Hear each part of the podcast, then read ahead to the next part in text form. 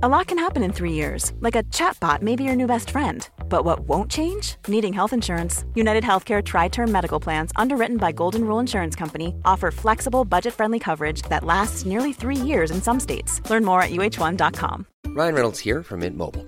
With the price of just about everything going up during inflation, we thought we'd bring our prices down. So to help us, we brought in a reverse auctioneer, which is apparently a thing. Mint Mobile unlimited premium wireless. Ready to get 30, 30, bit to get 30, bit to get 20, 20, 20, bit to get 20, 20, bit to get 15, 15, 15, 15 just 15 bucks a month. So, Give it a try at mintmobile.com slash switch. $45 up front for three months plus taxes and fees. Promo rate for new customers for limited time. Unlimited more than 40 gigabytes per month. Slows. Full terms at mintmobile.com. Systrarna Elvstrands hästpodd är producerad av Media House by RF. Hej allihopa och varmt välkomna till avsnitt nummer 16 av systrarna Elfstrands hästpodd. I det här avsnittet så ska vi snacka om någonting som vi brinner mycket för. Även det här, det är ju vår podd så då brukar vi ta upp ämnen som vi brinner för. Och det är utseendehets i stallet. Mm, det är ju någonting som vi märker har blivit mer och mer vanligt med åren. Så vi ska helt enkelt ta och snacka om vår erfarenhet från det att vi började rida i början av 2000-talet tills idag och diskutera lite hur den har uppkommit eller hur vi tror att den har uppkommit, hur vi märker av den och lite vad vi själva gör för att vara så goda förebilder som möjligt inom ämnet. Ja men precis, för vi ser ju egentligen lite oss själva som motpoler till den här utseendehetsen och eh, tycker att det är viktigt att sprida sunda ideal även inom vad man har på sig. Mm, verkligen, och att allt inte måste vara tipptopp hela tiden. Varken, eh, ja men hästarna behöver liksom inte vara skinande rena hela tiden och vi ryttare måste inte ha den, de dyraste kläderna och de mest matchande outfitsen utan alla som följer oss vet ju om att vi kan verkligen se ut precis hur som helst i stallet och vi tycker det är kul att uh, kunna vara så avslappnade i stallet helt Mm. enkelt. Verkligen.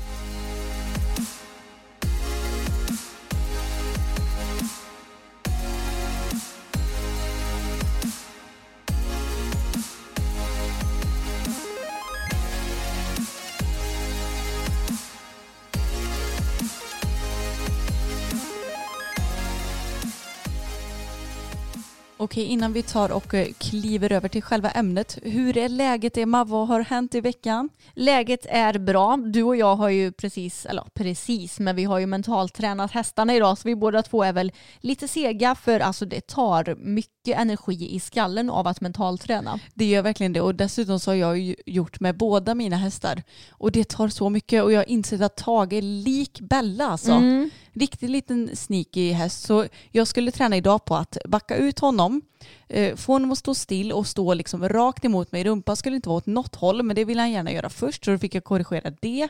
Men sen så när jag väl hade kommit över den biten då skulle han liksom smyga iväg med ett ben åt det hållet han trodde att jag skulle be honom att gå åt. Så han är riktigt, han är som Bella. Men har han varit det hela tiden eller har han blivit det nu när du har börjat träna mer? Det har blivit mer och mer. Ja, Så han är en liten tjurig gubbe som helt enkelt försöker att överlista mig. ja men de hästarna de är kluriga för du måste hela tiden hitta på nya grejer och du får aldrig liksom göra dem uttråkade och du måste vara liksom väldigt tydlig och bestämd med vad du vill göra liksom. Mm, verkligen, kroppsspråket måste vara där för att de fattar vad man menar. Mm, Liksom. kroppsspråket och energin. För Mm. jag tränar ju på med min lilla tjej och eh, hon är ju en väldigt, väldigt bestämd dam kan man ju lugnt säga. Och eh, jag måste underhålla henne hela tiden. Jag måste ha rätt energi för annars så tar hon över ledarskapet ifrån mig. Men det blir ta mig fasen bättre och bättre får jag säga. Mm, jag är riktigt imponerad för du är ju egentligen en ganska timid person, eller vad ska man säga? Du är ju ganska dämpad. Ja, alltså det låter ju som att jag är typ världens blygaste människa. Jag är inte liksom blyg på det sättet, men jag är ganska så introvert och lugn av mig och har liksom inte någon naturlig eldig energi i mig. Nej. Och det är ju den som jag verkligen har fått jobba upp nu och jag kan säga att det var faktiskt lättare idag för nu har jag mens och då blir jag lite mer eldig av naturen. och det behövdes idag. Eh, kan man ju säga för hon testar ju mig hela tiden för att se om hon kan få som hon vill. Mm. Men på tal om Bella, hon var ju hos ekiterapeuten igår. Vad sa hon? Charlotta? Ja, Charlotta hon var väldigt nöjd rent generellt och sa att det syns på Bella att hon har ja, men, utvecklats kroppsmässigt sen senast. Att hon har börjat lägga mer vikt på bakkärran för att det var liksom inga större problem med henne om man ska se generellt. Men sen så fick hon ju sin lilla skada, eller olyckan skedde ju för två veckor sedan. Och då har ju det visat sig i att det har blivit spänningar i kroppen på de ställena som hon har liksom avlastat på eller vad man ska säga. Mm. Så det var lite sådana korrigeringar som behövde göras. Men jag ska börja skritta igång henne nu i alla fall. Och sen så fort hon liksom börjar, vad ska man säga, röra sig mer i hagen och springa och sådär, då ska jag börja rida på lite hårdare också. Mm. Så det går verkligen åt rätt håll med henne i alla fall. Ja, det går verkligen åt rätt håll och det är så bra med Bella för hon visar så otroligt tydligt vad hon behöver. Mm. I början så låg hon ju inte ens ner, vilket hon gör hela tiden normalt sett, så då förstod vi verkligen att oj, nu har hon ont. Och sen så nu det senaste så har hon blivit mycket mer som vanligt. Hon ligger ner som hon brukar göra, vilket betyder att hon har inte lika ont. Hon rör på sig mer, men hon travar och galopperar inte så mycket för då sträcker det ju fortfarande lite i såren och eh, hon har slagit i benhinnorna ordentligt på ena benet också så det kommer ta lite längre tid innan det läker. Och jag kommer märka på henne när hon börjar även röra sig mer i hagen. Men hur känns fokus och så nu då Anna? Ja, Eh, det är ju lite upp och ner med den grabben för vi håller ju på att utveckla hans mentala tillvaro eller vad man ska säga. Men alltså, jag och han hade ett så jäkla bra pass i tisdags.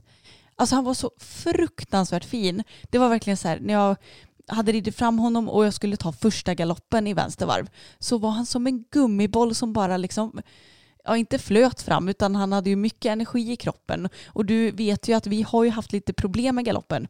Inte problem som är att så här, ja, men den är dålig men han har haft lite dålig energi och blivit lite lång och lite liksom, det har känts som att bakbenen har varit bakom honom.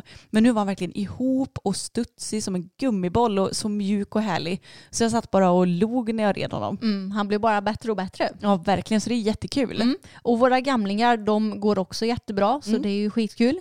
Boppen han ska med på öppen bana nu om ett par dagar när vi spelar in så det ska bli jätteroligt också. Jag känner att det är skönt att jag har gamle Boppen som en liten stand-in för Bella nu. Annars har jag betalat eh, träningar i onödan till exempel för vi betalar våra hoppträningar i förväg och de vill man ju gärna åka på. Ja men det vill man. Och eh, Fokus ska också med på öppen bana.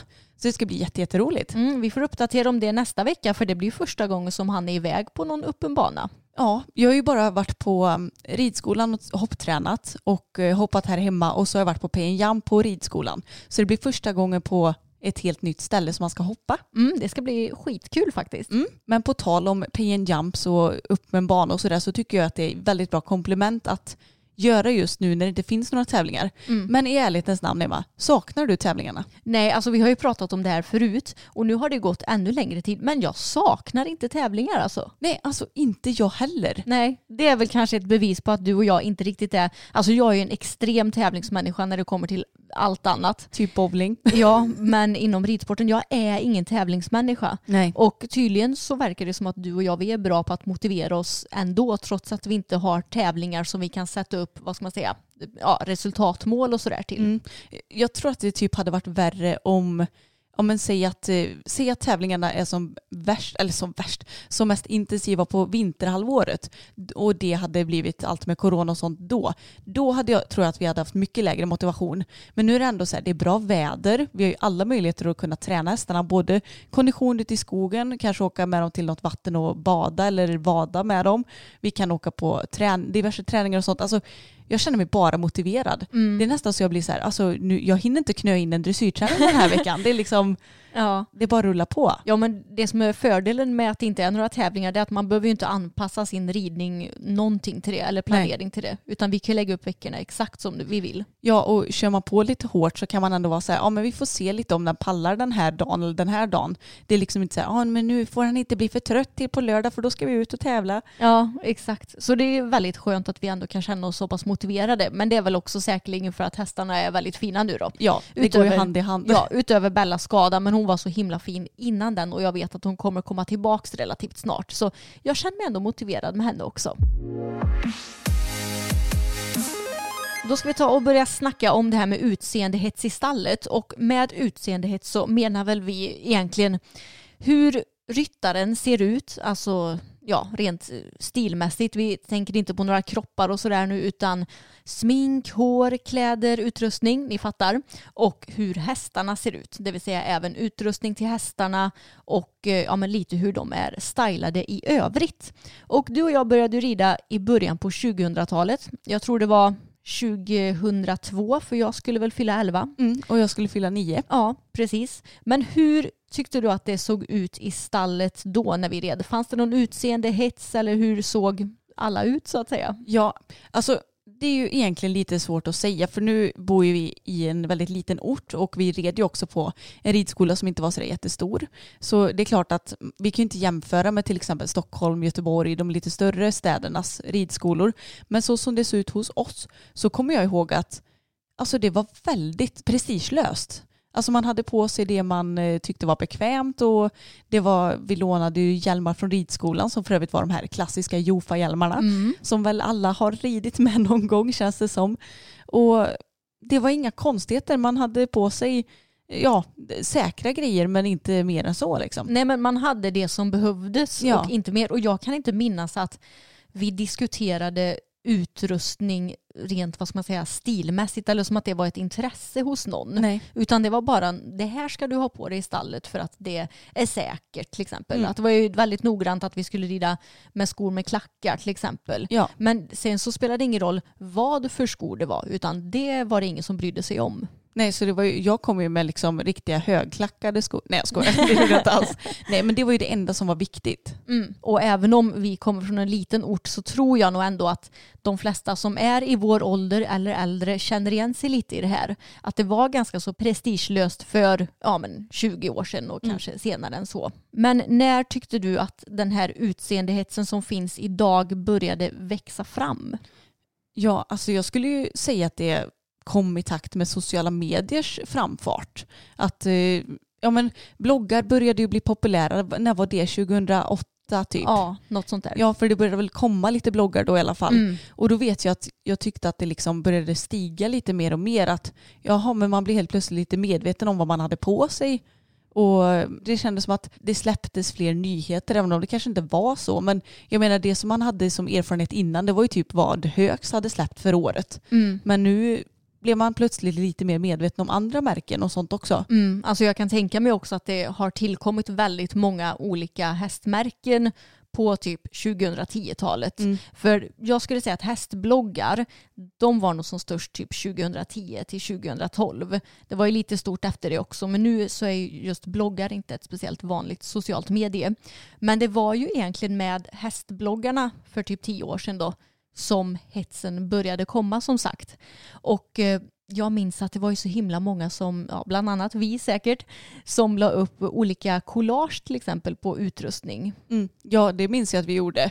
Och grejen är att för vår del så har det nog aldrig handlat om att åh, men det här är det man ska ha på sig utan jag tror att vi la upp mer collage som var så här, ja men det här tycker vi är snyggt. Mm. Men det är klart att det bidrar ju till köphets som inte annat. Mm, precis, det gör det ju. Och sen vet jag att det var ju också väldigt eh, ja, vad ska man säga, populärt att ha hauls och visa upp det som du hade köpt och då skulle det gärna vara dyra grejer också för att det var väl lite coolare inom citationstecken. Ja, och jag vet att efter typ eh, diverse stora mässor, typ som Göteborg Horse Show, då skulle man ju gärna ha en helt ny tävlingsoutfit som man klickade upp på bloggen och visa vilka stövlar med schabrak, med kavaj, med, alltså det var ju helt bananas. Ja. Jag vet att jag gick ett helt år och sparade för Göteborg Horse Show bara för att man skulle kunna shoppa loss. Mm, jag vet och eh, vi hade ju väldigt mycket mer typ schabrak och pannband på den tiden vet jag Ja. än vad vi har nu.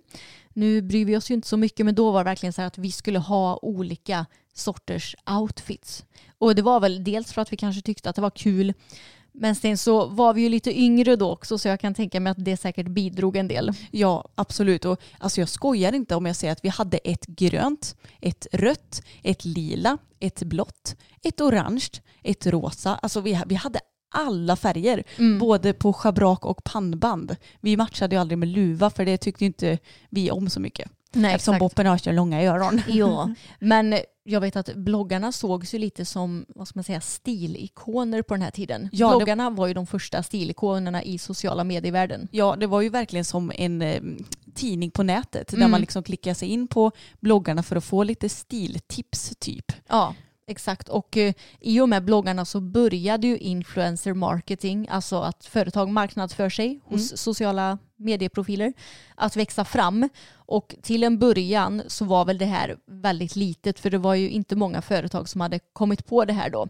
Men jag vet att bland annat eh, PS of Sweden var ju kanske typ det företag som var nästan allra först med det tror jag. Mm. De var väldigt tidiga. Och de eh, marknadsförde väl sig på dressyrmupparna som senare gjorde en egen kollektion med dem har jag för mig. Mm, exakt. Mm. Så det var ju den första, liksom, vad ska man säga, influencer-brandingen eller så. Mm. Och det är så kul för på den här tiden, då vet jag att när vi var i stallet, om vi kom till stallet och hade mjukisbyxor bara för att vi skulle typ mocka, så kunde vi få frågan av någon annan som var i stallet, ska ni rida? Och då tyckte vi att det var jättekonstigt att de här personerna frågade det, för vi hade ju på oss mjukisbyxor.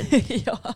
så vi tänkte bara, eh, nej vi har ju på oss mjukisbyxor, det är klart att vi inte ska rida. ja. Även om vi såklart inte svarade så drygt. Ja, nej vi svarade ju inte utan vi sa ju bara att vi inte skulle det.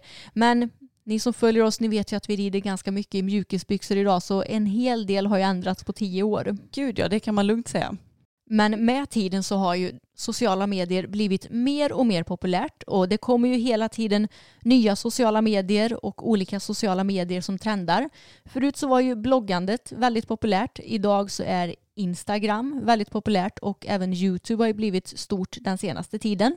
Medan bloggar är lite dött skulle jag säga. Det finns ju typ inga hästbloggar kvar längre. Nej, vilket jag tycker är jättetråkigt. Alltså Mm. jag älskar kanske inte just eh, själva utseendehetsen eller eh, utrustningshetsen, men jag älskade att läsa så mycket hästbloggar som vi gjorde förut. Mm, och det är så smidigt att läsa bloggar också för Mm. det kan du göra lite när du vill. Ifall du ska kolla på en YouTube-video så kan du inte göra något annat samtidigt. Nej, precis. Så det är väldigt smidigt med bloggar så det är synd att det inte finns fler får jag säga.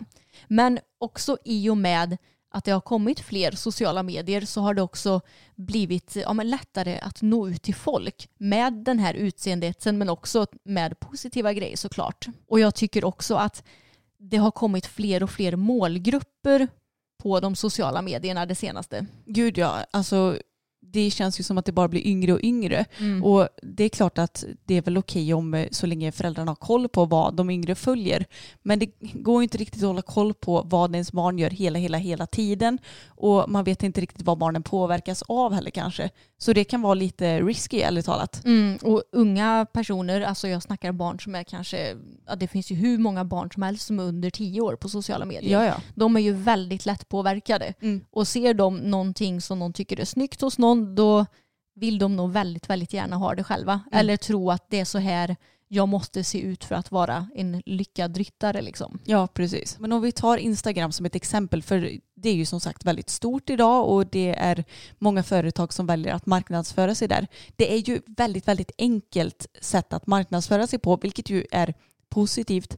Men det är ju så enkelt att hetsa där. Mm. Det är väldigt lätt för företag att få sina produkter att visas där. Det är väldigt lätt för dem att välja ut en specifik grej för att eh, pusha hos någon passande influencer och det känns också som att det är mycket enklare att rikta reklamen för att på Instagram är det som sagt väldigt lättillgängligt och man följer gärna profiler liksom som det kommer upp i ens flöde till skillnad från typ Facebook. För det känns som att där är det mycket enklare att det hamnar i havet på ens wall eller vad man ska säga. Mm, ja, precis. Ja, Instagram blir ju mer i flödet. Mm. Och vi själva driver ju en egen ridsportbutik. Och när jag marknadsför annonser på Instagram till exempel, alltså jag kan ju välja exakt vilka jag vill ska se det här. Eller man väljer ut vilka intressen, vart de här personerna ska finnas, vilket kön, vilken ålder. Så det är väldigt lätt att mata reklam till en specifik målgrupp på, ja det är väl egentligen både Instagram och Facebook. Men på Instagram så är det ju fler yngre personer som befinner sig så det är väldigt lätt att rikta reklam just till dem. Och det är ju dessutom lätt att få spridning ifall någonting blir viralt. Till exempel säg att du släpper en produkt som blir väldigt populär då kan folk tagga varandra och det blir liksom, det hypas upp av av sociala medierna. Du kan marknadsföra det själv men det är inte ens säkert att du behöver göra det bara för att andra personer ja, marknadsför det åt dig nästan med world of mouth som det heter. Ja. Alltså från mun till mun. Ja, precis. Och då funkar väl lite Instagrams eh, algoritm så att det liksom kommer upp hos fler och fler i säkert det här utforskarläget och, Mm. och sånt där också. Så att eh, mm, det kan spridas fort. Ja, det kan ju göra det. Och därför så blir det ju lätt att utseendehetsen sprids. Men Emma, vad tycker du är eh, problemet med dagens utseendehets då? Ja, alltså problemet det är ju att om vi ska snacka lite om influencers, för jag tycker faktiskt att influencers är ett problem på många sätt. Det kan Mm. vara inspirerande, absolut. Men många gånger så är det ju vi influencers som bidrar till diverse hetser här i samhället. Och inte bara inom ridsporten utan även det vardagliga. Men många influencers, som vi nu ska snacka hästinfluencers, visar ju bara det som är fancy och perfekt. De visar inga dåliga ridpass eller när det blir fails utan de visar bara typ en häst som travar jättefint på en långsida till exempel. Mm. De visar bara när de rider i jättesnygg och matchad utrustning. De visar bara när hästen är skinande ren och de visar att du måste, ja jag vet inte, putsa hela hästen, putsa hovar, klippa man och svans och att det ska vara liksom pälsglans i hela hästen, vad vet jag, knoppar. För att det ska vara något dugligt liksom. Ja, och eh, förutom att hästen ska vara välputsad så ska man ju liksom ha den eh, dyraste ryttarutrustningen. Man ska ha skinande välputsade stövlar, gärna från något dyrt märke känns det som. Och ja, ja, men, ridbyxor som är snygga och dyra de med. Och det funkar ju inte med någon vanlig tröja som man liksom har haft hemma som blivit lite uttvättad utan nej, nej, det ska vara någon tröja från något välkänt märke och hjälmen ska väl vara en sån här 20 000 kronor från kask typ. Ja, Mm. men, och så, dessutom är det inte bara det utan man har ju gärna typ fem uppsättningar med allting också. Mm, exakt, och det som följarna kanske inte tänker på då det är att många av de här profilerna är ju sponsrade så det är inte som att de har köpt de här grejerna själv. Nej. Och då sprider man verkligen ett ouppnåeligt ideal. Att det är det här som du behöver för att vara inspirerande. Mm. Men sen så, du har liksom inte ens ja, köpt de här grejerna själv så det är helt orimligt att en person ska kunna se ut så här som har ett vanligt jobb liksom. Ja, det är helt orimligt att ha tre stycken hjälmar som kostar 10 000 kronor styck. Mm. Men jag, jag ska erkänna att jag kan vara något tudelad i detta för att jag tycker att det är väldigt inspirerande att titta på fina bilder. Jag gillar ju foton och jag eh, har fotat ganska mycket själv så att jag gillar ju välkomponerade bilder. Jag gillar liksom välputsade hästar och välputsad utrustning för en bild. Men det största problemet är ju när det, det är den enda sidan som visas. Mm. Det är ju det allting handlar om. Att man kan, kanske inte bara ska visa det fina, det bästa, det välputsade utan att man faktiskt visar sidan där man rider i mjukisbyxor eller sketna skor eller när hästen eh, råkar skutta åt sidan för att den blir rädd för någonting. Mm, Det är ju exakt. det som missas här. Ja, alltså, jag kom på en grej nu som är lite rolig. För vår paddock nu, som så många andras, är ju väldigt dammig. Och Mm. när vi har lagt ut bilder det senaste så är eh, vi, vi har liksom gått ut i paddocken med nyputsade stövlar. Men eftersom vi skritar fram hästarna för hand och sen sitter upp så blir ju själva foten på stöveln ja, sandig eller sketen eller vad man ska säga. Och vi har fått kommentarer på varje bild som vi har lagt upp på typ Instagram. Putsa stövlarna. Typ. Ja, ja, jag vet. Och, och grejen är att så här, ja men visst man hade kunnat sitta upp på en gång på hästryggen för att undvika att få dem skitiga på bild. Men vet ni vad? Jag tänker inte bryta mitt mönster att skritta fram för hand bara för att få en bra bild. Nej. Och jag fattar inte, hur- alltså, jag, jag vet att du och jag är ju extremt icke-ytliga. Jag tänker ju inte ens på att ett par stövlar är sketna till exempel. Nej. Alltså när jag kollar på de här bilderna, jag tänkte inte på det på fem, för fem öre. Men uppenbarligen så gör andra det för att det är så inprintat att när du ser en bild på Instagram så ska det liksom vara skinande rent från topp till tå. Ja, man är ju matad med det. Mm. Och jag ska erkänna att jag kan väl reagera på det, men jag gjorde inte det på mina egna bilder av någon Nej. anledning. Nej, exakt. Och att man skriver sådana här kommentarer det bidrar ju också till en utseendehets. Mm. Alltså nu kan ju vi ta det, Ja. för vi bryr oss ju inte. Men säg att de här personerna hade kommenterat det till en tjej som hade varit 15 år så kanske hon hade brytt sig mer och tänkt att ah, nej just det jag måste ju faktiskt putsa mina stövlar om jag ska kunna lägga ut någon bild på Mm. Instagram. Och det är ju inte hela världen. Det är inte hela världen om schabraket råkat kana bak, om pannbandet eh, råkar sitta lite snett eller om man lämnar några spånkorn i svansen. Alltså det är inte det det handlar om. Så länge hästen mår bra och man inte eh, lämnar kvar lite skit under sadeln som kan skada den till exempel, då spelar det ju faktiskt ingen roll. Nej, och du kommer ju aldrig att rida bättre bara för att du har svindyr utrustning eller att du är skinande ren heller. Nu har ju vi redan gått in på det här lite grann, men vi anser ju att det hade varit kul, eller kul, men det hade varit bra om lagom hade kunnat komma upp i våra Instagramflöden. Att man visar båda sidor och att man kan styla till sig själv och hästen ibland, men att man ibland visar, ja men vad ska man säga, inte ens det fula, men det är lite vardagliga. Mm, ja men exakt. Lagom är ju ofta ett väldigt bra ord att använda när det kommer till allting. Men det är ju så svenskt och tråkigt Emma. Ja, men Sverige är ett ganska bra land så jag tycker faktiskt att vi ska ta och embracea ordet lagom. Jag mer. håller med. Till fullo alltså. Det är ett väldigt bra ord. Ja, och det hade ju också varit hälsosamt om det inte hade varit någon press på att se bra ut. För idag så är det ju uppenbarligen en press tack vare sociala medier. Folk som inte hänger så mycket på sociala medier kanske inte märker av det lika mycket. I verkligheten, eller alltså IRL, Mm. tycker du att du märker av någon utseendehets där på samma vis?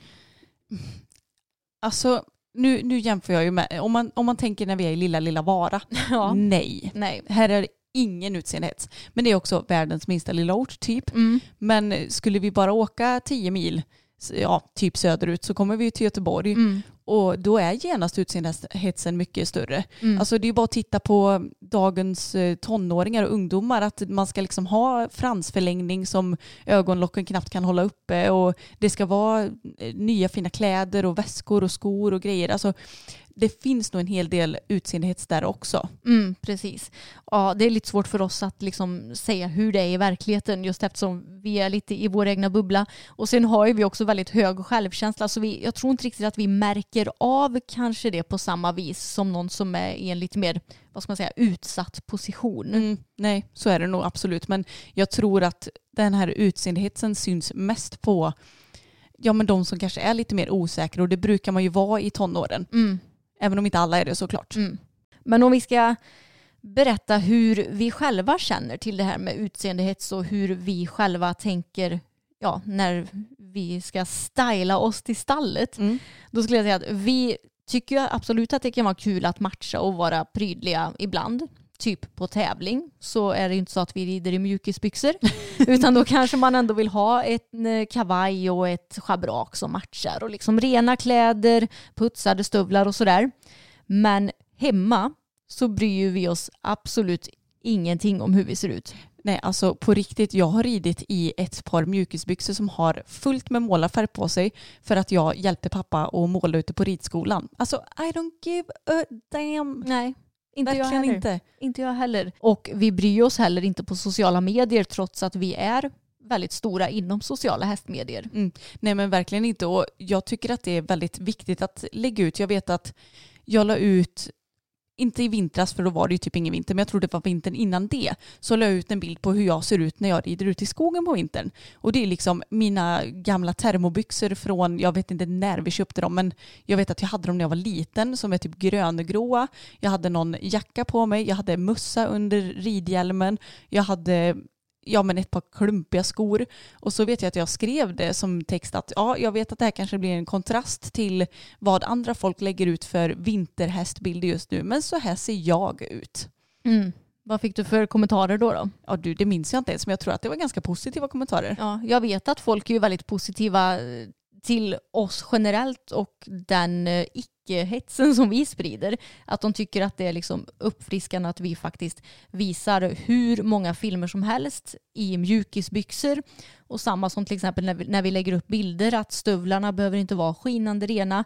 Jag tror att folk tycker att det är uppfriskande och då märker de att jag måste inte vara perfekt hela tiden heller. Mm. Jag, jag var ju tvungen att eh, gå in och kolla här nu vad jag hade fått för kommentarer på den bilden som jag lagt upp på mig och Tage är det. Mm. Och eh, det är många som skriver så ser jag också ut, haha. Och sen så har någon skrivit att japp, det där är goals på sitt sätt. Det tyckte jag var en himla Ja. härlig eh, kommentar. Och sen så var det någon som, själv envisas man med att ha enbart ridbyxor och en tunn långärmad tröja. Man fryser inte lite då. Och det Mhm. Det är ju kanske eventuellt för att vi blir matade med att det här är snyggast och därför ska man ha det även när man fryser arslet av sig. Mm, man tänker inte så mycket på det praktiska. Mm, eller hur? Och sen har jag även fått en kommentar. Bra att du föregår med gott exempel och visar upp en helt vanlig varm vardagsoutfit. Instagram väller över av för mycket goals. Ja, ja, men det är ju verkligen så sant måste jag säga. Mm. Och så som du ser ut på den bilden, vi kan ju lägga upp den på vår Instagram, Mm. Så ser ju egentligen de allra flesta ut till vardags på vintern. Mm, om man inte plågar i- ihjäl sig. Och sen visst, vissa är lite mer varmblodiga än andra. Det vet vi ju bara. Alltså vi måste väl dra den här lilla roliga anekdoten när vi ändå talar om kyla. Ja, Vi hade en inackordering vars eh, sambo, han var Mm. väldigt, väldigt, väldigt, väldigt varmblodig. Så när det var kanske, hur kallt kunde det ha varit? ja, det var februari och det var väl typ 10 minusgrader Ja, kanske. då kommer han till stallet i jeans och skjorta. Mhm. Ingen jacka ens. Och jag bara, men fryser du inte du? Och han bara, nej.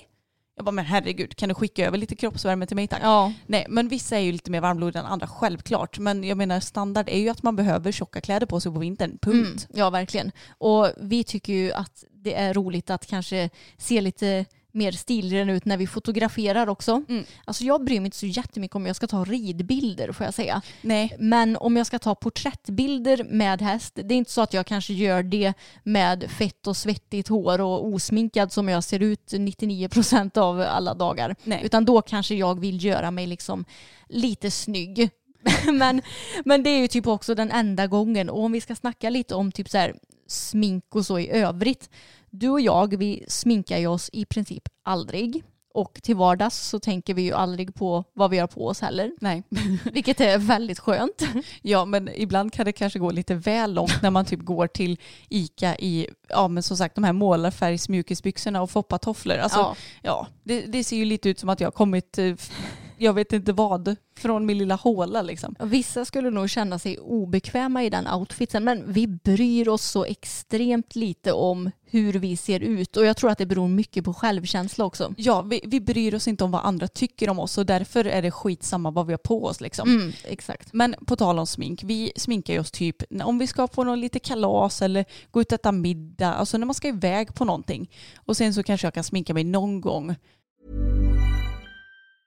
When you're ready to pop the question, the last thing you want to do is second guess the ring. At Bluenile.com, you can design a one of a kind ring with the ease and convenience of shopping online. Choose your diamond and setting. When you find the one, you'll get it delivered right to your door. Go to Bluenile.com and use promo code LISTEN to get $50 off your purchase of $500 or more. That's code LISTEN at Bluenile.com for $50 off your purchase.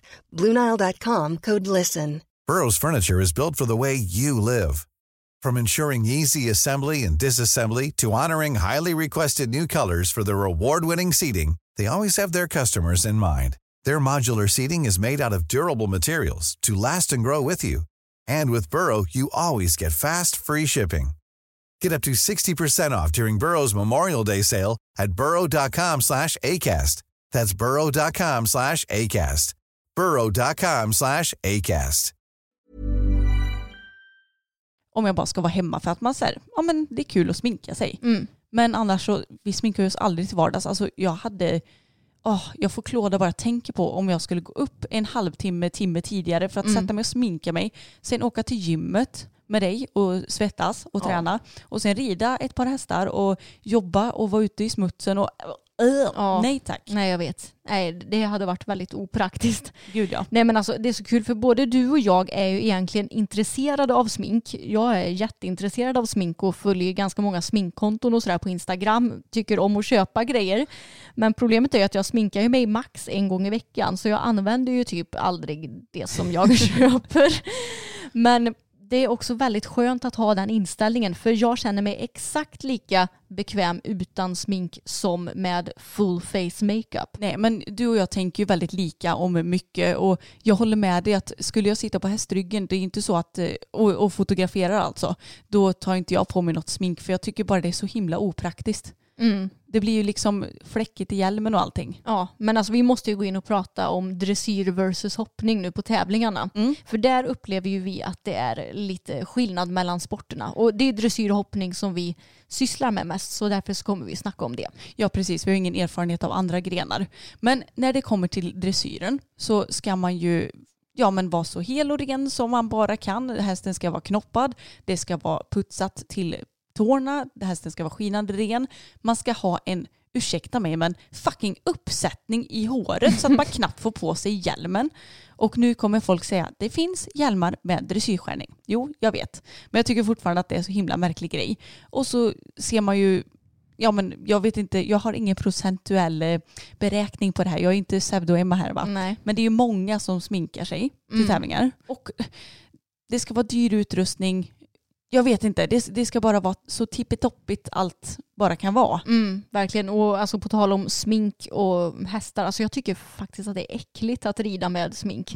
Eh, Alltså jag bryr mig inte om andra personer gör det, men som du sa förut, det fastnar i hjälmen. Ja, Alltså ögonen kanske rinner, svetten rinner. Alltså det är opraktiskt och äckligt att ha mm, smink på sig då. ja. Trillar man av och börjar lipa så rinner mascaran så man ser ut som en panda. Nej, alltså jag tycker det, det är en fruktansvärt märklig grej. För ridning ska väl ändå ses som en idrott. Men om man kollar på liksom, ja, de högsta klasserna i dressyr, det är ju typ konstigt om tjejerna inte är sminkade där. Ja det känns ju lite så i alla fall. Det känns ju som att man ska sminka sig där. Men då tar man ju liksom bort eh, själva vad ska man säga, idrottsgrejen. Jag tror att det är väldigt få fotbollsspelare som sminkar sig innan de går ut på planen. För där ser man ju att de blir ordentligt svettiga och att de Mm. är osminkade. Liksom. Eller skidåkare. Exakt, det hade varit superkonstigt om de hade sminkat sig. Nej, Jag tycker också det är väldigt märkligt. Men jag tycker nästan det är märkligast det här med håret alltså. nu, jag, jag kan inte jag vet inte, det kanske inte är någon regel. Men det är ju åtminstone en oskriven regel att du ska ha en frisyr. Mm. Och jag kan haja grejen, det är ju som häst, att hästen har knoppar. Att domaren vill se ordentligt eh, ryttarens liksom hållning och alltihopa och att har man skitlångt hår så kanske det stör om det flaxar och, och dunkar mot ryttarens rygg. Men alltså är det verkligen det viktigaste? Kan inte domarna tänka bort ett flaxande hår? Ja. Så för, grejen är så här att jag tycker det är skitobekvämt att ha en uppsättning under hjälmen Mm, jag med. det trycker ju liksom upp själva hjälmen så att man knappt ser någonting. Och det är väl bra för då kanske man får upp blicken ordentligt.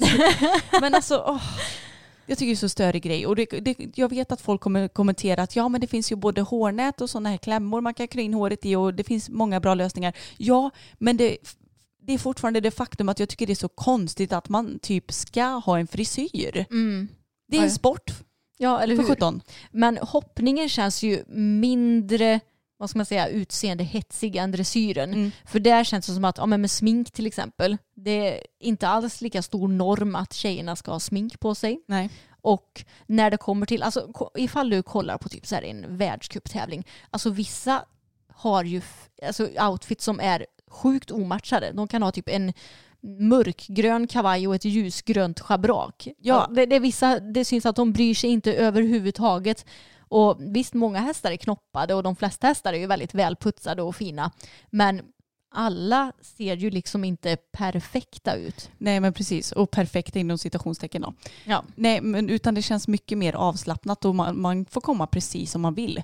Du får ha huva, du får inte ha huva, du får ha utsläppt man, du kan ha knoppar, du kan matcha, gå all in på det eller inte alls. Alltså, du får ha svarta ridbyxor, du kan ha vita. I dressyren är det så här, nej har man har inga vita ridbyxor då får du inte ens komma in på banan typ. Ja, exakt. Så det är skönt att man ser mer variation i hoppningen tycker jag. Men om vi ska gå in lite på våra tankar om den här hetsen som finns då, som andra kanske sprider. Jag tänker att personer som har ett behov av att vara perfekta, typ att de bara kan lägga upp filmer där de rider perfekt eller se perfekta ut, till exempel, ja, som vi har snackat om hela tiden här Mm. idag. De behöver ju jobba med sin självkänsla. För har du en låg självkänsla så har du oftast ett behov av att se så, eller framställa dig själv som så perfekt som möjligt. Ja men precis, man vill gärna täcka den där eh, självkänslan med ja, men utstrålning som visar något annat. Typ. Ja, och ytligheter. Mm. Och Anna, du har ju ett exempel på det här som är ganska klockrent. Ja, förr i tiden så kände jag ett behov av att sminka mig hela tiden. Jag kunde inte ens gå utanför dörren utan att sminka mig och åtminstone med liksom foundation som täckte mitt ansikte för att jag vet inte, jag tror att jag har ganska ytliga blodkärl vilket gör att eh, jag blir väldigt röd i ansiktet vid ansträngning. Jag brukar kalla mig själv för tomaten, vilket är passande för jag älskar tomater. Men eh, förut så var jag verkligen tvungen att ha smink hela tiden. Och när jag började jobba och jag hade hästar och allting så insåg jag hur jobbigt det var att gå upp den där extra tiden som det tar att sminka sig. För att jag kände att jag vill väl hellre sova en halvtimme till egentligen.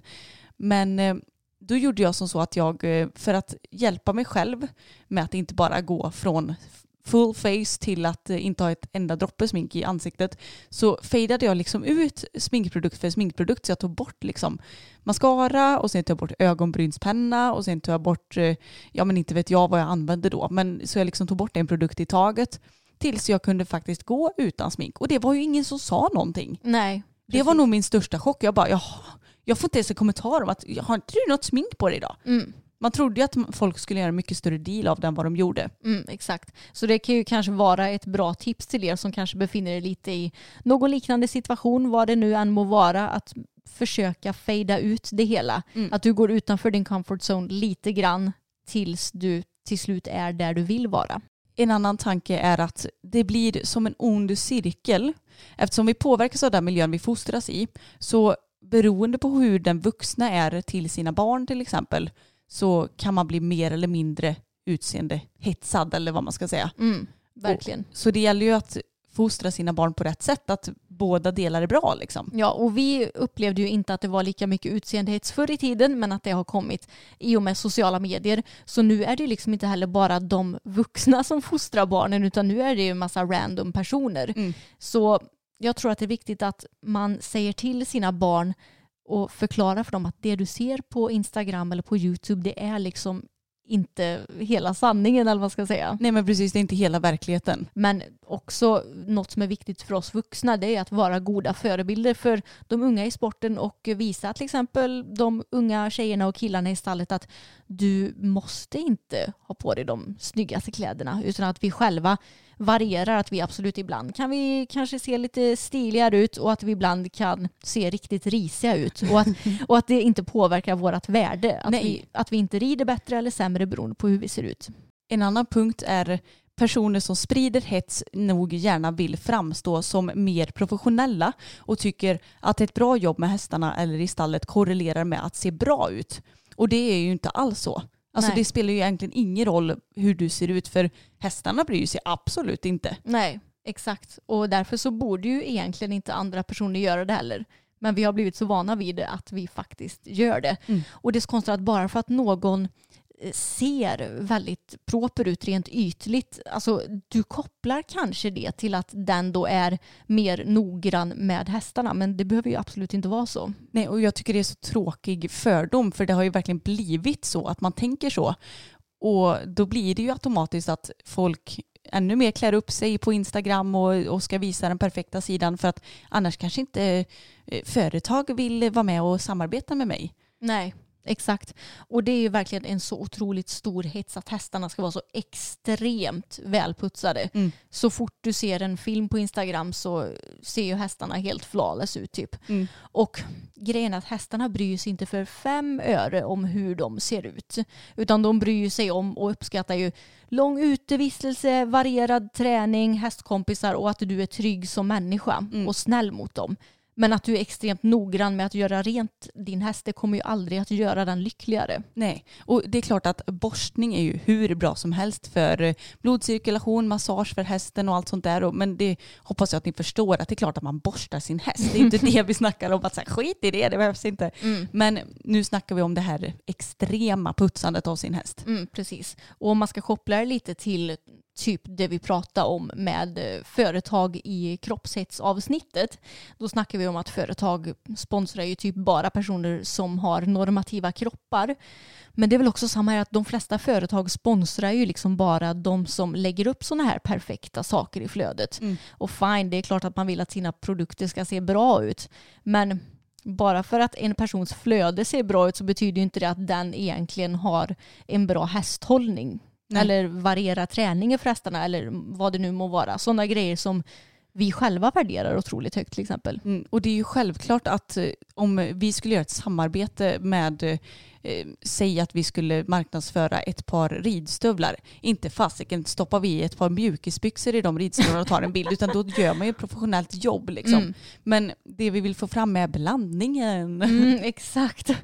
Och det är ju också så många på sociala medier som kanske har en liten ursäkt att de vill inspirera andra med all den här perfektionen i flödet. Men jag känner bara, vad är det du vill inspirera andra till? Ja, det, det är faktiskt en mycket bra fråga. Ja. Det finns inget svar på den frågan. Nej.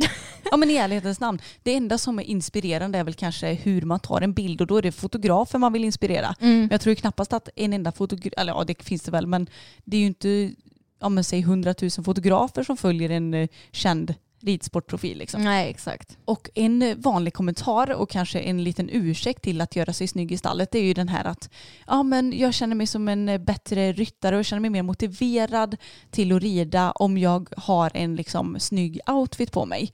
Och det tycker jag är, det är verkligen helt fel grej att fokusera på. Mm. Du ska ju kunna rida lika bra oavsett om du rider i ett par ja, men mjukisbyxor eller ett par nya helskodda ridbyxor som kostar 5000. Mm. Precis, och jag tror att du och jag har nog extra svårt för att förstå det här eftersom vi är så extremt icke-ytliga. Antagligen. Ja, men hur man kan motiveras av ytliga grejer, det har nog eh, i vuxen ålder aldrig varit vår grej. Liksom. Nej, och det, vi har väl varit där, för jag menar vi har ju köpt de här schabraken och man har ju känt ett pirr i magen när man har handlat grejer, absolut. Så det är inte så att vi är helt världsfrånvända och inte känner igen känslan. Nej. Men det är bara det här att jag tror nog aldrig vi har varit så motiverade till att själva vara snygga liksom. På det viset. Och jag tror att när vi kände det här, att ett nytt schabrak gjorde oss mer motiverade, då då var ju vi till exempel absolut inte lika kunniga inom horsemanship. Vi hade inte samma tänk om hästhållning och varierad träning. Utan när vi har fått bättre värderingar i och med detta så har också allt det ytliga försvunnit känns det som. Tycker inte du det? Jo, alltså mer och mer inser man hur lite det betyder. Mm. Det är faktiskt ganska roligt för det verkar gå hand i hand det där. Mm, verkligen. Nu när vi shoppar grejer typ till oss och våra hästar så är det så här, vad behöver vi? Alltså jag, jag kan inte minnas att jag har shoppat något bara för att jag vill ha något det senaste.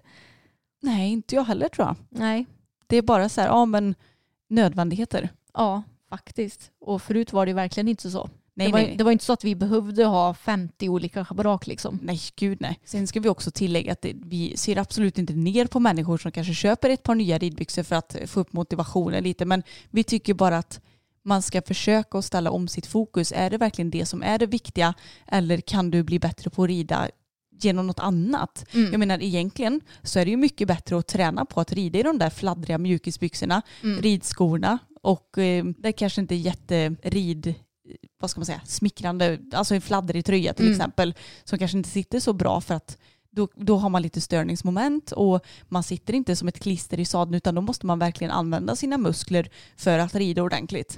Ja, alltså jag tror det har varit bra för oss att rida så mycket i mjukisbyxor som vi har gjort. Mm. För då blir det genast lite, vad ska man säga, enklare när du sitter där i ett par helskodda byxor och ska rida dressyr. Ja, för man blir lite mer obalanserad när man inte har de rätta kläderna. Eller vad man ska säga. Ja men exakt. Och jag tycker framförallt det här att eh, känna sig motiverad och rida bättre om du har på dig ja, en matchande outfit. Att det känns väldigt ouppnåbart om du som oss har egen häst och rider varje dag. Alltså vilken tid det måste gå åt till det. Att nu ska jag välja ut vilka ridbyxor jag ska ha idag och nu ska jag ha det här schabraket. Gud, det har jag inte ens tänkt på. Nej jag vet. Alltså jag förstår att man kan känna så här, säg att du rider på ridskola en gång i veckan. Då kan jag förstå att det blir lite så här högtidligt att åh idag ska jag till ridskolan och då ska jag ha på mig det här. För att det blir verkligen något att vad ska man säga, längta efter och då kanske man vill göra sig lite piffig. Men om du rider varje dag och känner att du måste se snygg ut, Alltså jag känner inte att det är så hållbart i längden. Nej, alltså det, det, det är ju verkligen att lägga tid på fel saker som du säger. Mm. Att gå och fundera på vad man ska ha på sig. Ja, alltså när jag ska ut till stallet då tar jag typ ridbyxorna som ligger på golvet som ligger högst upp i högen eller så tar jag de mjukisbyxorna som jag ännu inte har hunnit använda. Liksom, ja, det, det, jag tänker absolut inte någonting när jag ska ta på mig grejer. Inte jag heller. Och vi har ju redan börjat gå in på det men vi är ju som ni kanske vet stora på sociala medier. Vår YouTube-kanal har idag närmare 50 000 prenumeranter och vi har ju också många följare på Instagram. Och vi är ju väldigt noggranna som vi har sagt tidigare med att ja, kunna visa även den inom stationstecken fula sidan inom ridsporten. Men hur tänker vi då när vi klär oss och publicerar grejer på sociala medier, Anna? Ja, alltså i ärlighetens namn så tänker vi inte så mycket. Eh, för vi har inget perfekt flöde. Eh, vi har ingenting att vi måste redigera bilder på ett visst sätt för att det ska se snyggt ut när man går in på våra Instagram-profiler. Utan det enda vi tänker det är väl Nej, men nej, nej, jag tror inte jag tänker alls Emma. Jo, Nej. jag tänker nog att jag inte ska publicera för många fokusbilder i rad utan att de andra hästarna och eh, min katt också ska få lite plats. Ja, Det är väl typ det. Eh, ja men typ så. Och ibland kan det, tycker jag nästan att det kan vara kul att liksom lägga upp filmer där man matchar ihop en extra ful outfit. Bara för att liksom kunna visa den extrema motpolen eller vad man ska säga. Ja men faktiskt. Men jag tycker faktiskt Emma, vi borde bli bättre för vi delar ju ofta när vi ja, men har våra mjukisbyxor och sånt på oss, både på YouTube och typ i Insta-stories. Mm. Men vi borde bli lite bättre på att lägga ut det i själva flödena också. Mm. Ja men jag är ganska dålig på att lägga ut bilder i flödet överlag. Ja, samma här. Det kan nog vara det som är grejen. Det är smidigt att bara slänga upp något på storyn. Mm. Men vad tycker du är viktigt när vi rider då? Ja, alltså vi är ju väldigt eh, att vi go with the flow när vi rider ut kan man ju lugnt säga. Japp. Då blir det ju 90% av alla gånger mjukisbyxor typ. Ifall vi ska, eh, säga rida ut på en längre tur eller konditionsträna, då brukar jag faktiskt vara seriös och slänga på mig ridbyxor och ridstövlar. Just för att man annars lätt får skav vid vaderna. Eller, eller klättra, för då, då kan man alltid klämma vaderna annars Ja. om man har fel par byxor på Mm, sig. Det är sant. Men säg att vi bara ska ut och jogga i skogen, då rider jag typ alltid i mjukisbyxor. Ni känner ju till mitt trosproblem sedan tidigare så jag tycker ju att det är väldigt skönt att kunna rida utan trosor. Ja, du gör det i mjukisbyxor alltså? Ja, jag gör det. Ja. Alltså det är typ främsta anledningen till att jag rider i mjukisbyxor.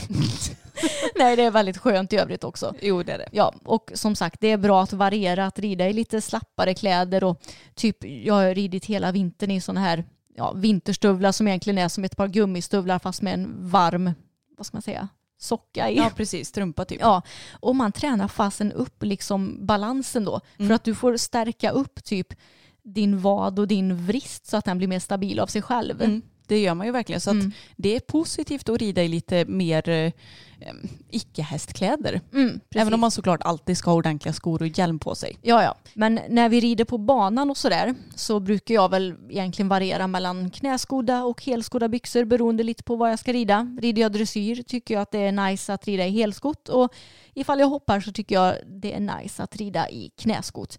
Men sen så tänker jag liksom när det kommer till överdelar så tänker jag ju typ ingenting där heller. Nej, alltså det enda jag tänker är att jag gillar ju inte att rida i för fladdriga tröjor. Nej, exakt. Jag vill gärna att de ska vara hyfsat figurnära, även om de, de måste absolut inte vara som ett extra skinn liksom heller. Ja, det viktigaste är ju att kläderna passar oss och vi känner oss bekväma. Att de är i rätt storlekar. För det är ju skitirriterande att rida i ett par ridbyxor som håller på och klämmer och är irriterande på vissa ställen till exempel. Gud ja. Jag försöker att ha på mig så bra trosor som möjligt. Det är ju fan helt omöjligt för jag känner mig typ aldrig bekväm. Nu har jag börjat rida i kalsonger och det är väl typ det som funkar bäst men jag är fortfarande inte nöjd. Glider inte de upp på låren Jo, typ? det är det som är problemet. De åker inte in i stjärten eller fiffi så mycket men de glider ju liksom upp. Åh gud vad irriterande. Ja, alltså jag, jag har så stort problem med det här. Du får designa ett par ridtrosor Emma. Ja, det borde jag verkligen göra. Det är Mm. nog många som har samma problem. Så jag känner mig sällan liksom helt bekväm i ridbyxor av den anledningen. Men i alla fall, att kläderna ska passa oss. Det är ju det viktiga. Mm. Allt ifrån hjälmen till stövlarna och allt däremellan. Och sen såklart att hästarnas utrustning ska passa dem. För hästarna skiter ju blanka fan i vad de har för märke på sadeln eller vad de har för märken på sitt schabrak eller om det matchar överhuvudtaget. Det enda som de tycker är viktigt är ju att det passar dem helt enkelt. Ja, att det är välsittande. Men Anna, hade vi klätt oss likadant om vi hade haft 500 000 följare? Ja, Ja, det tror jag absolut. definitivt. För vi är ju inte sådana så att vi tänker på omvärlden så mycket utan vi har på oss det som vi tycker är nice. Mm. Och så får omvärlden bara köpa det helt enkelt. Men då är det dags för veckans snackis och vi tänkte dra en snackis som passar in i det här ämnet. Vi ska nämligen prata lite om olika trender som har funnits genom åren. Mm, jag tycker det här är lite roligt för att du och jag har ju alltid varit väldigt mycket så att när det kommit en ny trend, de, det har släppts en ny produkt som har varit lite revolutionerande eller vad man ska säga, så har ju vi i början bara, nej men fy fan vad fult. Och sen så när det har gått ett tag så bara, ja men det är rätt snyggt ändå, till att komma och älska det. Mm, jag vet, alltså det är verkligen standard för vår del. Jag vet inte om det är att man har lite ovana ögon i början Ja. och att man vänjer sig. Men människor är ju så extremt dåliga på att ta förändringar också. Ja. Det, det ligger ju i vår natur. Så jag tror att många är nog likadana som oss. Mm. Men Anna, när vi började rida, Mm. då vet jag att det var väldigt vanligt med rutiga ridbyxor. Nu snackar vi ju typ början, mitten av 2000-talet här. Ja, jag vet att jag hade ett par senast typ 2008. Ja, det kommer jag ihåg. Sen så gick de sönder och jag grät blod för det var mina favoritridbyxor. Men alltså, jag förstår inte riktigt varför de har gått ur tiden för jag tycker det är rätt snyggt. Mm. Det, det, men eh, det är inte alls lika populärt. Nu så ska det ju vara eh, ja, men, Enfärgade. Ja. Jag tänkte säga, finns det typ några mönstrade ridbyxor alls numera? Eller? Nej det känns typ inte så. Jo, kamouflagefärger från högst det är väl typ det jag har sett. Ja, nej, det är väldigt dåligt utbud på mönstrade ridbyxor men det var ju desto mer populärt förr i tiden. Gud ja, och på tal om ridbyxor. Minns du Animos ridbyxor?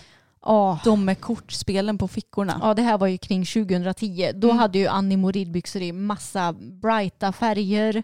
De hade mycket bling och de hade som du säger kort, vad heter det? Ja, spelkort på Ja. typ fickorna. Med typ glitter i, eller Ja. vad det nu var. Ja, alltså jag kan ju också passa på att säga att jag skulle aldrig kunna ha några sådana byxor. De var ett, låga i midjan, två skitsmå. Så jag försökte prova en gång och jag fick dem inte ens i närheten över röven. Så det Nej. var ju ingenting för oss direkt då. Men efter de rutiga ridbyxornas tid så var det ju dags för tretornstövlarna. Mm, och det här är ju en trend som vi hatade med Mm. stora bokstäver när den kom ut. Till att några år senare äga varsitt par själva. Eh, ja, exakt. Jag tror att de kom ut kring 2007 om jag inte minns fel. Mm. Och då marknadsförde ju sig Tretorn på Malin Barriard. Mm. För hon var ju liksom själva signaturryttaren för Tretornstövlarna och då var det ju både svarta och klarröda. Och de här Tretornstövlarna de såg ju inte direkt ut som dagens stövlar om man säger så. De var ju dels i, inte i läder utan vad ska man säga? Ja, men det var ju typ gummistövlar. Ja. Alltså tretorn är ju gummistövlar och det var väl en Nylon. form av gummi liksom. Ja, det var något konstgjord, eh, konstgjort material i alla fall. Mm. Och så var de ju typ mönstrade, de var svarta med liksom stora vita streck och ja, men såg väldigt sportiga ut kan man ju säga. Mm, och ganska rundad fot, inte alls den här nätta foten som är på många ridstövlar idag. Nej, exakt. Och sen så vet jag att den kom i både marinblått, ljusblått och brunt Mm. också. Precis, och sen släpptes det ett par fler modeller av de här tretornstövlarna. Men det är ju fortfarande the original som kommer vara mest, vad ska man säga, välkänd än idag. Mm. Och jag måste säga att jag gillade den stubben. Man fick väldigt bra grepp med dem i Mm. sadeln kommer jag ihåg. Och det var ju hur enkelt som helst att rengöra dem. Det var ju bara att spola dem med slangen. Ja, det var, de, det var väldigt praktiska stövlar Mm. och jag tyckte de var väldigt sköna också. Sen tyvärr efter en, eh, ja, ett par år så blev mina vader för feta för dem så jag, jag blev lite ledsen då faktiskt när jag inte kunde ha dem längre. Ja, och det var verkligen på gränsen att vi kunde ha dem från början Ja. vet jag. För att det, det var lite synd att de inte fanns i fler vidder. För att Ja. jag hade kunnat tänka mig att ha ett par sådana idag. Ja, Alltså. jag med lätt. Bara för Alltså, att kunna ha som så här slit och slängstövlar typ. ja, så sköna verkligen. Mm. Och eh, än idag, alltså jag tycker fan att de är lite coola får jag säga. Ja, alltså jag tycker nog inte att det är den snyggaste stöveln jag har sett. Men jag tycker ändå att de är, de är fina. Mm, verkligen, jag skulle ju lätt kunna tävla med ett par sådana stövlar idag. Ja, ja. Och strax efter tretorntiden, alltså jag skulle säga kring 2010, då blev det ju jättevanligt med typ blaffiga loggor på schabrak. Mm. Det här var ju i samma veva som bloggar var som störst också. Mm. Och jag kommer ihåg att det fanns en bloggare som hade de här populära skapa-schabraken. De var, fanns i många olika färger och så hade de en gigantisk trea på ena sidan. Och jag vet att hon hade de här i typ fem, sex olika färger. Och jag var så avundsjuk. Till slut så fick vi tag på vårt egna skapa-schabrak. Mm. Men eh, sen så när man väl hade det så var det så här, jaha var det här allt? Jag vet inte Ja. vad jag tänkte skulle hända direkt. Men Nej. Nej men alltså det är så kul för det var så extremt blaffiga loggor och både tretornstövlarna och de här schabraken var ju väldigt, väldigt sportiga i Mm. sin, vad ska man säga? approach. Ja exakt, i sin approach. Och så är det ju inte idag kan man ju lugnt säga. Nej. Men hur länge höll sig den här trenden egentligen? Det var inte jättelänge. Nej, men visst fanns ändå den trenden lite grann när de kom med de här reglerna om hur stora loggor fick lov att vara. Ja. Ja, När var det? Typ 2015 eller? Jag ja något sånt. Det var ju några år senare i alla fall. Ja. Och då vet jag att det blev ramaskri för vad ska man göra med alla sina sk- skaparschabrak nu då? Ja, jag minns det också. Men jag kan ju säga att jag skulle nog inte köpa ett schabrak idag som har en sån här gigantisk logga på sig. Nej, inte jag heller. Det är inte riktigt min cup of tea. Nej, Även om jag inte tycker det är fult. nej, nej.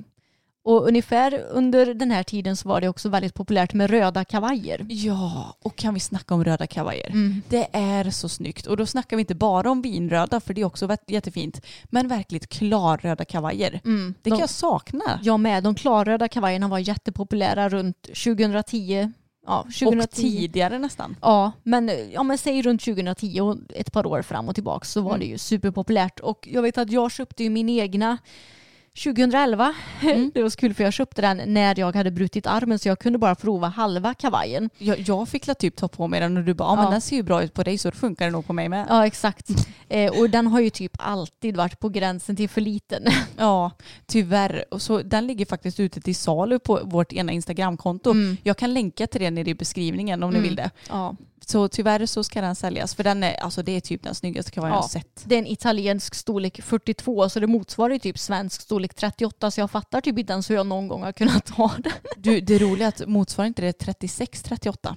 Ja jag vet inte kanske. Ja, jag tror det. Ja. Men hur som helst så är det väldigt, väldigt snyggt med en färgklick så på tävlingsbanan tycker jag. Ja, och nej, jag, jag saknar verkligen de här röda kavajerna. Mm. Jag skulle vilja ha en idag. Nu har jag visserligen lite för många kavajer. Lite, mm, ja, kavajer är kanske min akilleshäl då verkar det som. Eh, ja. Jag gillar att ha kavajer i lite olika färger. Men eh, en röd kavaj, gärna vinröd nu då, Mm. hade jag inte tackat nej till.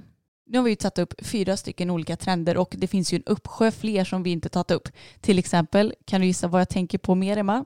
Som huvudbonad? Eh, GPA-hjälm. Ja, det Mm. var ju ännu en sån grej som vi bara åh, kräktes på när den Mm. kom. Men sen så såg man att den var sportig och snygg. Men det jag tänkte säga det är att det känns som att idag så har vi gått ifrån lite det här sportiga. Det känns inte alls som att det är lika sportigt. Är det någonting man behåller lite sportigt så är det hjälmen. Mm. I övrigt så är det väldigt, väldigt stilrent, ganska få loggor, eh, inte så jättemycket bling. Det fanns ju också en väldigt trend där man skulle ha bling på typ allt förr. Mm. Känns som att vi har skalat ner allt lite grann. Mm, det är väldigt nerskalat. Och vi- vissa märken släpper ju vissa färgglada grejer. Men då är de färgglada grejerna ändå väldigt stilrena skulle jag säga. Ja precis, det är inte, inte så utstickande ändå Nej. trots att de har en utstickande färg. Precis. Jag får säga att jag gillar ändå dagens trend om man nu får vara lite ytlig. Men jag har ändå uppskattat verkligen de andra trenderna också. Ja men det är, ju, det är ju lite kul med trender även om man inte behöver gå helt bananas och köpa bara för att det är en trend. Mm. Det är ju som med allt i modevärlden, man behöver inte falla för alla trender liksom. Nej. Ja, men då har vi snackat en hel del om utrustning och lite trender och allting. Väldigt kul tycker jag. Mm, vi brinner ju lite för sådana här ämnen som ni säkert förstår. Ja, och jag vill ju bara tillägga här i slutet att det är självklart att man ska ta väl hand om sin häst, att den ska, som jag sa förut, borstas ordentligt så att den får sin blodcirkulation och massage och att man ska tvätta benen om det behövs, om den har mugg. Och, men ni, jag tror ni förstår att vi menar ju det. Det är bara att man måste inte göra det där lilla extra varje dag. Man Nej. måste inte tvätta hovar eller eh, olja in dem eller vad man nu än gör. Mm, precis. Så jag tycker att alla vi som lyssnar på det här avsnittet att vi gör vår egna lilla challenge och faktiskt eh, kan vara i stallet ibland i mjukisbyxor och att vi kan sprida det här budskapet till eh, ja, alla andra personer i sporten helt enkelt. Ja, och gillar man att rida i ridbyxor då är det självklart okej att rida i ridbyxor. Men det är bara att, ja, är de lite sketna, vad gör det? Ja, precis. För det viktigaste är ju trots allt att vi är bekväma på hästryggen och har på oss det vi vill och inte bara ha på oss det vi vill för utseendets skull. Verkligen. Tack så mycket för att ni har lyssnat på den här veckans avsnitt. Glöm inte bort att prenumerera på podden för då missar ni inte när vi lägger upp nya avsnitt. Och så får ni jättegärna prenumerera på vår YouTube-kanal också. Den heter systrarna Elfstrand och ni hittar oss även på Instagram under samma namn. Ja, och övrig information finns som vanligt i beskrivningen till det här avsnittet. Ha det så jättebra nu allihopa. Hej då! Hej då!